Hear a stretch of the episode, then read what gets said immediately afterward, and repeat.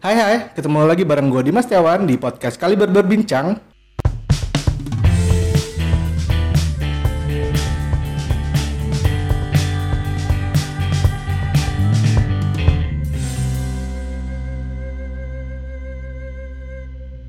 Oke, kali ini kita kedatangan tamu dari Hactive 8 nih. Ada Mas Riza. Mas, boleh kenalan dulu kali ya? Halo teman-teman uh, kali ber, berbincang. Uh, perkenalkan nama gue Riza. Uh, gue adalah co-founder dari Hactivate. Uh, Hactivate itu apa? Hactivate adalah uh, coding bootcamp yang hmm. uh, ada di Jakarta. Sekarang kita produknya ada tiga produk utama. Yang pertama ada uh, full stack uh, JavaScript bootcamp. Kemudian ada kelas part time dan ada online platform namanya kode.id. Nah itu berarti kalau misalnya lu semua yang mau belajar coding, mau belajar programming, segala macam ini bisa banget ke Hactive Ed ya mas ya? Iya yeah, harus, itu, harus. Itu tempatnya di mana sih mas? Tempatnya kita kampus kita saat ini ada di Pondok Indah di Pondok Gedung Indah. Aquarius. Gedung Aquarius. Iya. Yeah.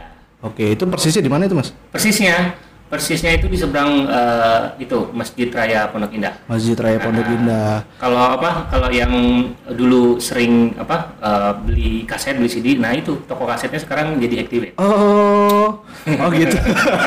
Nih karena karena sekarang kan udah jarang yang dengerin kaset, iya. CD, digital digital lu jadiin aja sekalian ya jadi ini ya. Iya, kita nyewa di sana. Setengahnya masih ada apa uh, apa Aquarius studionya masih di sana. Hmm, jangan ngomongin soal musik, ini pasti hobi kan. Ini pas banget sama obrolan kita hari ini nih. Hmm. Karena kan kita hari ini akan ngomongin soal hobi dan pekerjaan. Oke. Okay. Ya, karena akan beberapa uh, recruiter juga beberapa pekerjaan juga memandang ini sesuatu yang hal berbeda. Tapi sebenarnya ini bisa menjadi uh, satu kesatuan ya. Yeah. Nah, kita akan ngebahas ini nih di podcast kita kali ini.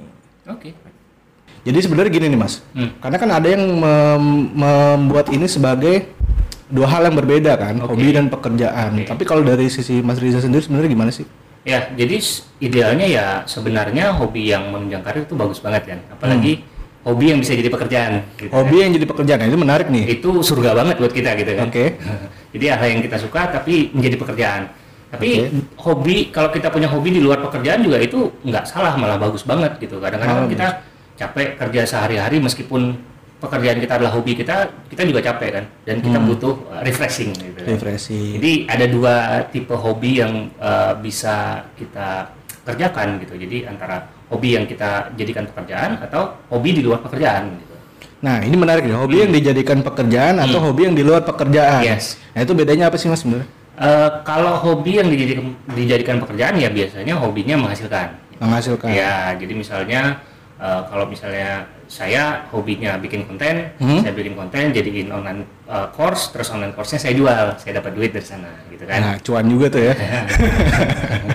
ya, uh, tapi ada juga hobi-hobi yang uh, mungkin uh, di luar pekerjaan, misalnya hmm. kalau uh, developer biasanya paling mentok hobinya game, game, ya, game, nah. gitu kan? Kalau ngegame menghas dibilang menghasilkan duit ya bisa aja bisa aja tapi kan? di awal mungkin enggak kan ya, hmm. ya, jadi ngegame casual sama teman-teman kantor atau yeah. teman-teman di rumah gitu kan uh, lama kelamaan kalau emang mau diseriusin ya sebenarnya bisa yeah. tapi kalau misalnya kayak misalnya hobi lain misalnya musik atau fotografi juga semua bisa sebenarnya bisa diseriusin gitu dan, dan itu sebenarnya berpotensi juga ya untuk Betul. menjadi pe pekerjaan tambahan yeah. atau apa yeah. tapi kalau dari sisi programmer sendiri ada nggak sih mas maksudnya hobi yang kayak gitu atau memang melihatnya gimana sih kalau dari hmm. sisi programmer? Kalau programming ya, pro, uh, kalau programmer sebenarnya uh, ya tadi yang paling dekat itu adalah game. Hmm. Ya, game, hmm. game terus juga kadang-kadang ada memang orang yang hobinya ngoding. Hobinya ngoding, hobinya ngoding. Jadi justru itu bukan jadi pekerjaan, tapi malah jadi hobinya dia. Iya, sebenarnya pekerjaan dia adalah hobinya dia. Tapi okay. kan kadang-kadang kalau misalnya dia kerja di katakanlah di salah satu unicorn misalnya, hmm. uh, terus dia ngerjain uh, platform e-commerce misalnya kan hmm. tapi sebenarnya passion dia pun bukan di e-commerce-nya hmm. gitu nah tapi hobi dia ngoding hobi dia programming hobi dia bikin produk misalnya okay. nah yang biasa dilakukan adalah uh, dia menciptakan sesuatu di luar pekerjaannya misalnya bikin aplikasi yang kecil-kecil yang simpel oh. aplikasi iseng terus dipublish mungkin bisa dijual nantinya atau gimana itu juga bagian dari hobi dan umum ditemukan di uh, apa buat uh, developer-developer sih sering begitu Berarti jadi intinya kayak dia sebenarnya uh, programmer itu pun juga punya kehidupan yang lain ya di samping pekerjaannya dia, oh, iya, passionnya dia. Iya. Gitu. Nah, ini ngomongin soal passion nih karena hmm. kan uh, dari sisi IT programmer sendiri mungkin tadi ada yang bilang passionnya adalah coding Iya. segala macam bagaimana kalau misalnya passionnya berbeda? Kalau misalnya tadi dia kerjaannya profesi mungkin dia disuruh dituntut untuk menjadi programmer. Oke. tapi ternyata passionnya dia di fotografi atau jadi Hmm. musisi atau jadi gamer gitu misalnya. Bagaimana sih kalau menurut Mas Riza sendiri meyakinkan kalau passion itu sebenarnya bisa kok gitu kita Oke. kita kerjakan bareng-bareng dengan pekerjaan Ya, jadi eh, kalau misalnya mau istilahnya kan kalau zaman sekarang tuh apa ada istilah passive income gitu kan. oke passive income Jadi hobi itu bisa dijadikan passive income. oh gimana tuh mas Cari? Ya, misalnya kayak kita punya hobi fotografi. oke Ya, sekarang zaman sekarang udah enak banget. Udah banyak platform-platform yang eh, kita bisa menjual eh, karya kita di situ. Jadi misalnya fotografi kita suka eh, foto misalnya di weekend gitu, kita ngambil foto di satu daerah yang eksotik misalnya kan. Hmm? Terus kita jual ke kayak ke stok foto semacam itu. Oh, Shutterstock gitu ya? sat- Oke. Iya, Shutterstock dan uh, Upsplash dan lain-lain. Hmm. Dari situ kan kita bisa dapat uh, duit juga, bisa menghasilkan. Misalnya hobinya ngevlog misalnya. Hmm. Kita upload di YouTube terus banyak yang suka, dapat juga revenue mungkin nggak terlalu besar, tapi paling tidak adalah menghasilkan gitu kan. Oh iya, karena kan itu juga jangka panjang ya. Betul. Nah Ya. ini jutaan jutaan programmer tidak tahu nih kayaknya. jutaan programmer tidak tahu kalau sebenarnya passion itu bisa menjadikan duit tambahan. Iya, Nge- ngegame juga bisa. Ngegame misalnya kita hobi nonton game misalnya atau kita hobi ngegame. Oke. Terus ada mungkin sekarang kan banyak apa uh, kompetisi e-sport kan. Kita bisa live streaming di YouTube atau di mana Ah, di iya, Twitch benar, gitu kan. benar, benar, benar, Terus nanti mungkin ada yang donasi ya, seperti itu ya bisa juga gitu. Tapi itu sebenarnya text time nggak sih mas? Oh iya jelas. Nah itu itu menyeimbangkannya gimana tuh mas? Menyeimbangkannya. Hah? Eh, kalau saya tips dari saya ya eh, kalau bisa pekerjaan cari pekerjaan yang work life balance lah kira-kira. gitu. Work-life balance. Ya, jadi work eh, s- secara pekerjaan mungkin kita dari jam 9 sampai jam 6 sore udah kerja benar-benar kerja tuh, Hmm. Oke. nggak ngegame nggak ngapain, nggak ngerjain hobi. Tapi begitu udah sampai rumah misalnya jam 7 jam 8 malam kita bisa Hmm. mengerjakan hobi kita. Dan itu sebenarnya dari programmer memungkinkan untuk dilakukan itu. ya? Memungkinkan banget. Memungkinkan banget ya Iya. selama kita efektif untuk uh, melakukannya ya. Iya. Tu- Tugasnya apa langsung dikerjain gitu kan. Iya, fokus lah intinya. Fokus. Jadi kalau memang kita lagi di jam kerja ya kerja, kalau lagi di jam hobi ya hobi, nggak kerjain pekerjaan gitu. Oh. Dan itu kalau dari anggota Hacktivate sendiri Mas Riza juga menekankan itu ya? Apa gimana? Oh iya, jadi kita di Hacktivate sendiri eh, untuk kayak kerja remote gitu kita eh, belum sampai sekarang. Jadi Aha. kita lebih fokus ke kalau jam 9 sampai jam 6 ya kita kerja benar-benar kerja. Kalau Oke. misalnya jam istirahat, misalnya jam 12 sampai jam 1 kalau mau ngegame ya silakan gitu. Kita nggak ngelarang. Hmm. Begitu juga misalnya after office hour misalnya jam 7 gitu. Hah? jam 6 selesai mau ngegame bareng juga banyak teman-teman yang ngegame bareng nungguin macet kan Ah. kita ngegame dulu Jadi intinya adalah bebas bertanggung jawab ya. betul Bebas bertanggung jawab. Nah ini juga penting banget nih karena sebenarnya semua itu bisa dijalankan selama kita bisa mengatur diri kita sendiri kan. betul Kalau dari uh, Mas Riza sendiri itu punya hobi nggak sih? Ada Mas sih hobinya apa? Gitu kita ngomongin orang Mas Riza belum ini nih Oke. hobinya apa gitu. oke eh, kalau dulu saya eh, sempat punya hobi basket Ya, sekarang udah. Basket? iya Oke. olahraga olahraga olahraga Nah ini nih kalau buat pendengar nih yang yang yang yang nggak tahu nih, ini Mas Riza nih emang kelihatannya rada bugar sih, rada gitu ya. Wah seger sih gitu. Ternyata main basket ya. Eh, Biasa iya, main basket di mana, Mas? Main basket eh, terakhir itu kita main basket di Ragunan di eh, itu apa di Gelanggang Arena Ragunan. Dan itu masih rutin habis sekarang? Sekarang udah enggak. Udah enggak. Beberapa tahun terakhir udah enggak. Tapi masih kelihatan segar dan itu Terima itu itu ber, nah ini salah satu fungsi yang kayak lu tuh harus punya hobi untuk menyeimbangkan pekerjaan. iya. Kalau kita fit kan eh, otak kita segar, kita bisa Hmm. kerjanya performnya lebih bagus gitulah kira-kira. Oke. Hmm. Terus s- semakin ke sini eh, hobi saya semakin apa ya? Yang yang benar-benar hobi yang sustain itu ya salah satunya ya bikin konten. Oke, Nah, bikin jadi, konten. Ya, saya kan suka eksperimen. Hmm. Uh, ngodingnya suka eksperimen. Nah, da- kadang-kadang dari eksperimen ini saya bikin kayak artikel, Hmm. bikin screencast, bikin uh, podcast juga, ketemu Oh, gitu. orang teman-teman yang inspiratif gitu, developer inspiratif ya saya ajak ngobrol terus saya rekam iseng-iseng gitu. Akhirnya jadilah podcast gitu. Podcast. Dan itu ini nggak sih Mas kayak uh, menjadikan itu sebuah konten kayak tadi kan ngomongin soal podcast segala Hmm. Iya, macam iya. gitu.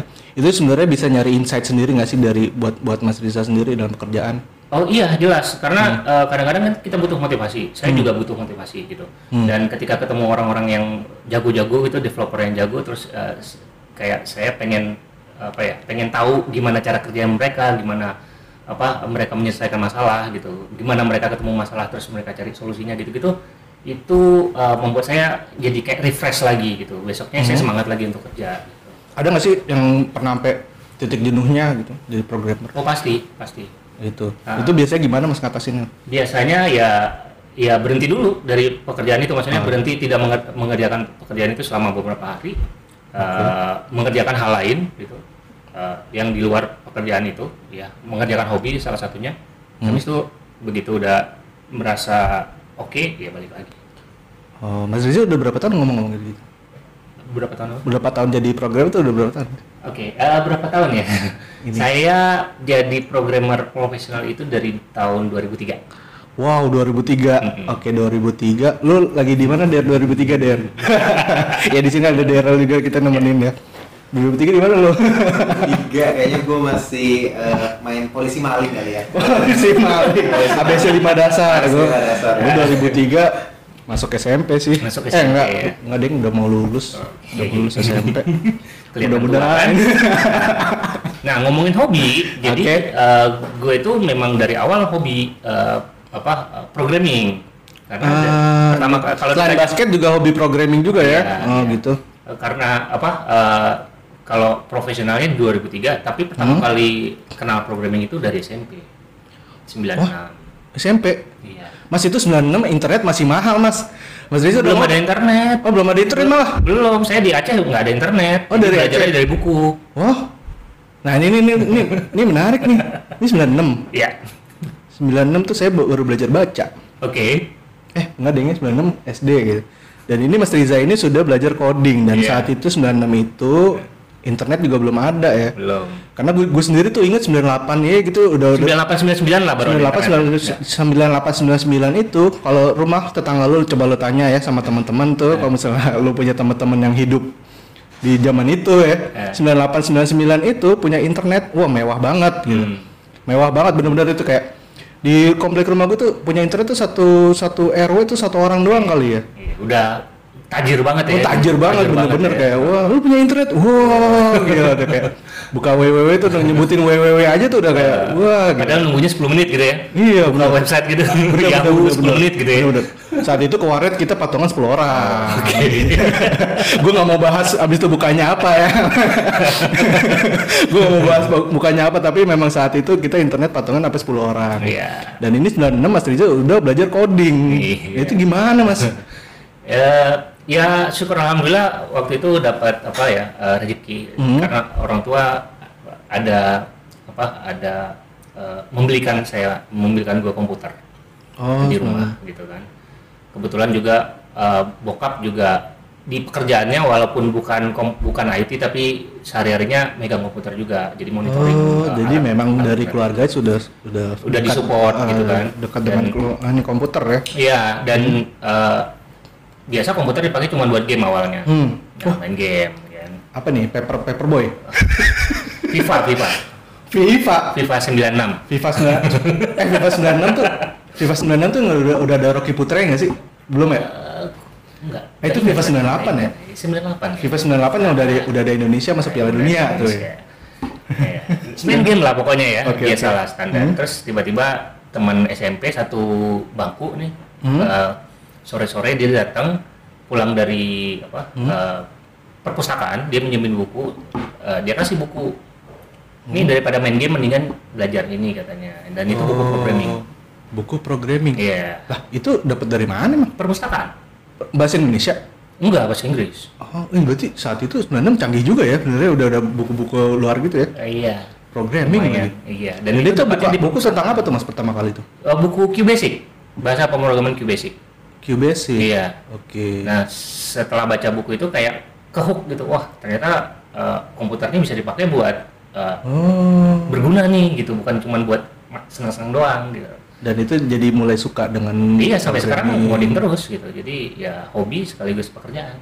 Nah, ini yang maksudnya kita bahas yang tadi ya sebenarnya itu punya hobi nggak itu nggak apa-apa karena itu sebenarnya bisa membuka peluang lu yang baru. Betul. ya kan kayak misalnya tadi nih Mas Riza cerita mungkin dia pekerjaannya di programming tapi sebenarnya dia juga sudah jat- jatuh cinta dengan programming sejak 96 dan itu pun berawal dari yang kesukaan aja gitu Iya. dan ternyata jadi kenal dengan hal yang baru Hmm. Nah, itu pun juga bisa berpengaruh kalau- eh bisa bisa berguna juga kalau dengan hobi-hobi yang lain ya Betul, kayak misalnya tadi game gaming kayak Iya. gaming kan udah udah bergeser juga kan tadinya cuma buat having fun Iya. sekarang jadi Bisa jadi profesi. gitu Iya. kan jadi sebenarnya buat lo semua yang punya hobi itu nggak apa-apa gitu orang mau bilang apa nggak apa-apa selama itu jati diri lo ya kita Yes. nggak ikut-ikutan Hmm. tapi kalau Mas Riza sendiri pernah nggak sih punya pengalaman kayak hobinya tuh ikut-ikutan gitu? Punya teman, ya dia hobi gaming, eh ikut-ikutan aja deh gitu. Gue nggak punya hobi. Jadi kayak memaksakan punya hobi gitu bagus nggak sih maksudnya? Iya, mungkin awalnya kalau bingung nggak punya hobi ya boleh ikut-ikutan sih. Tapi Hmm. ujung-ujungnya nanti kita ka- akan sadar bahwa ya, ini bukan hobi kita gitu, nggak Hmm. nggak genuine gitu kan. Hmm. Jadi ujung-ujungnya nanti kita akan ketemu lah sama hobi kita. Masa kita nggak tahu apa yang kita suka gitu kan? Hmm, hmm. Misalnya suka apa eh, nonton film ya berarti hobinya nonton film atau mungkin suka apa bikin film mungkin. Hmm. Ada kepikiran pengen bikin film misalnya kan? Ah.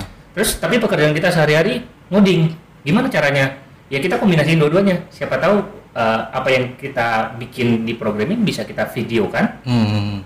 jadi film atau jadi kalau kalau di coding kan Iya. saya screencast gitu kan atau Ah. vlog misalnya. Atau vlog misalnya. Iya, ngajarin orang Hmm. cara ngoding misalnya, bikin tutorial tapi pakai video. Ya Iya. bisa juga gitu. Atau nggak bisa bikin startup di dunia film kan bisa juga kan Iya. gitu. Berangkat dari hobi dan imajinasi. Dan imajinasi. Nah, ini imajinasi keren juga nih. Sebenarnya kayak banyak orang berpikir kayak uh, programmer itu pasti lack of imagination. Jadi kayak pekerjaan lu tuh ya udah udah udah tertata gitu. Hmm. Itu benar nggak sih, Mas?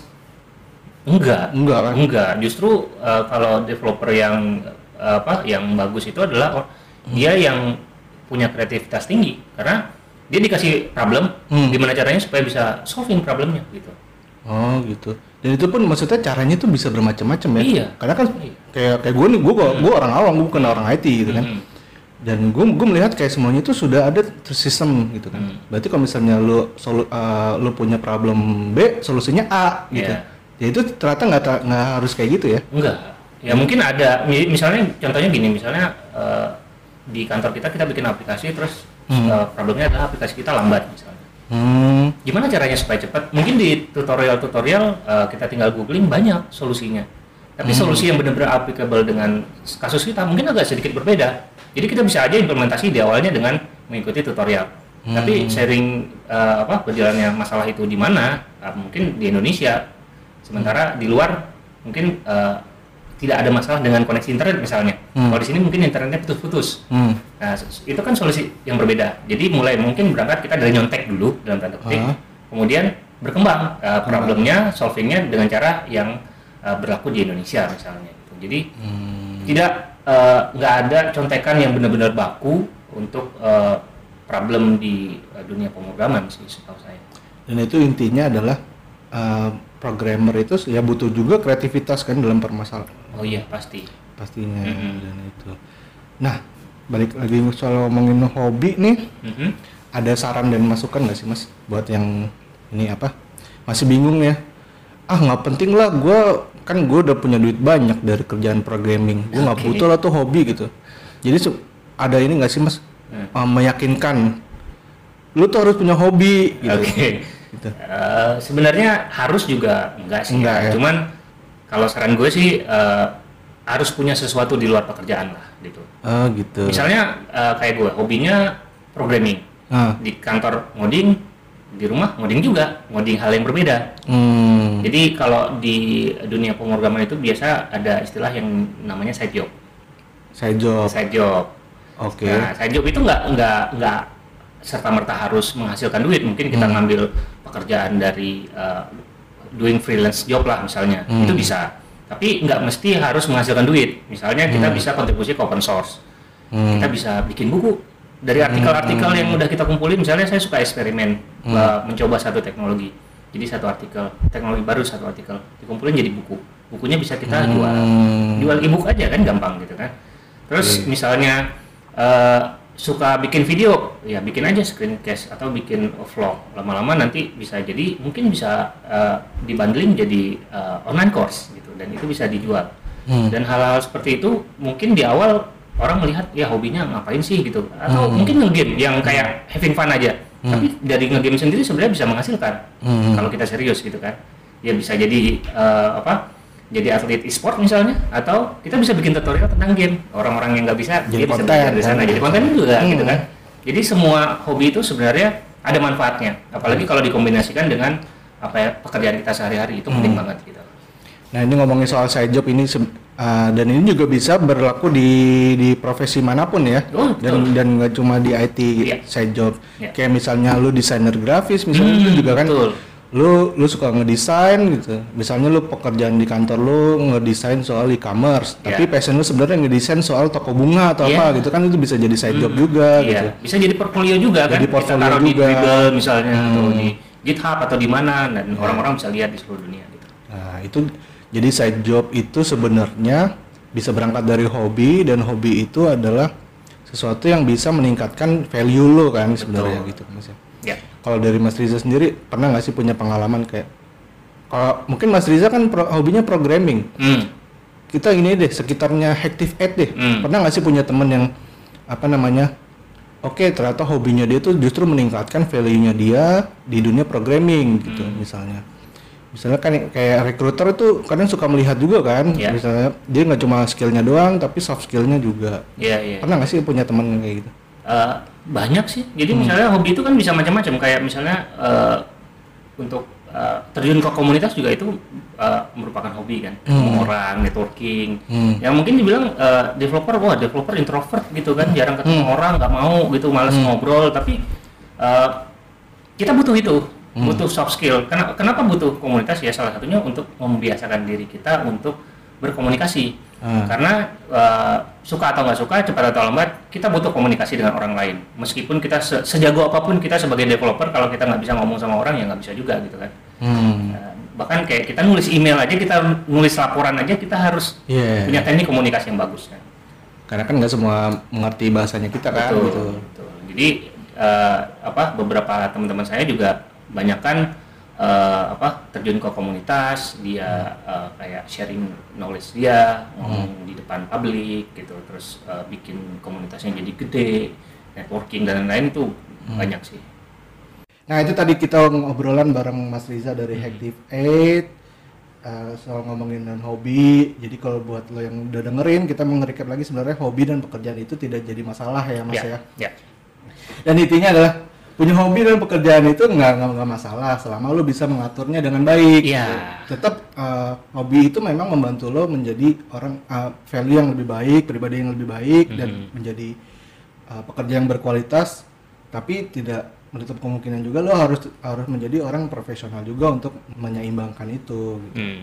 Oke, terima kasih Mas Riza sudah memberikan inspirasi. Sama-sama, terima kasih juga. Kali berbincang kali ini, jangan lupa follow Active Ed punya sosial media nggak mas? Iya punya sosial media ada di uh, Twitter, Instagram, Activate ID.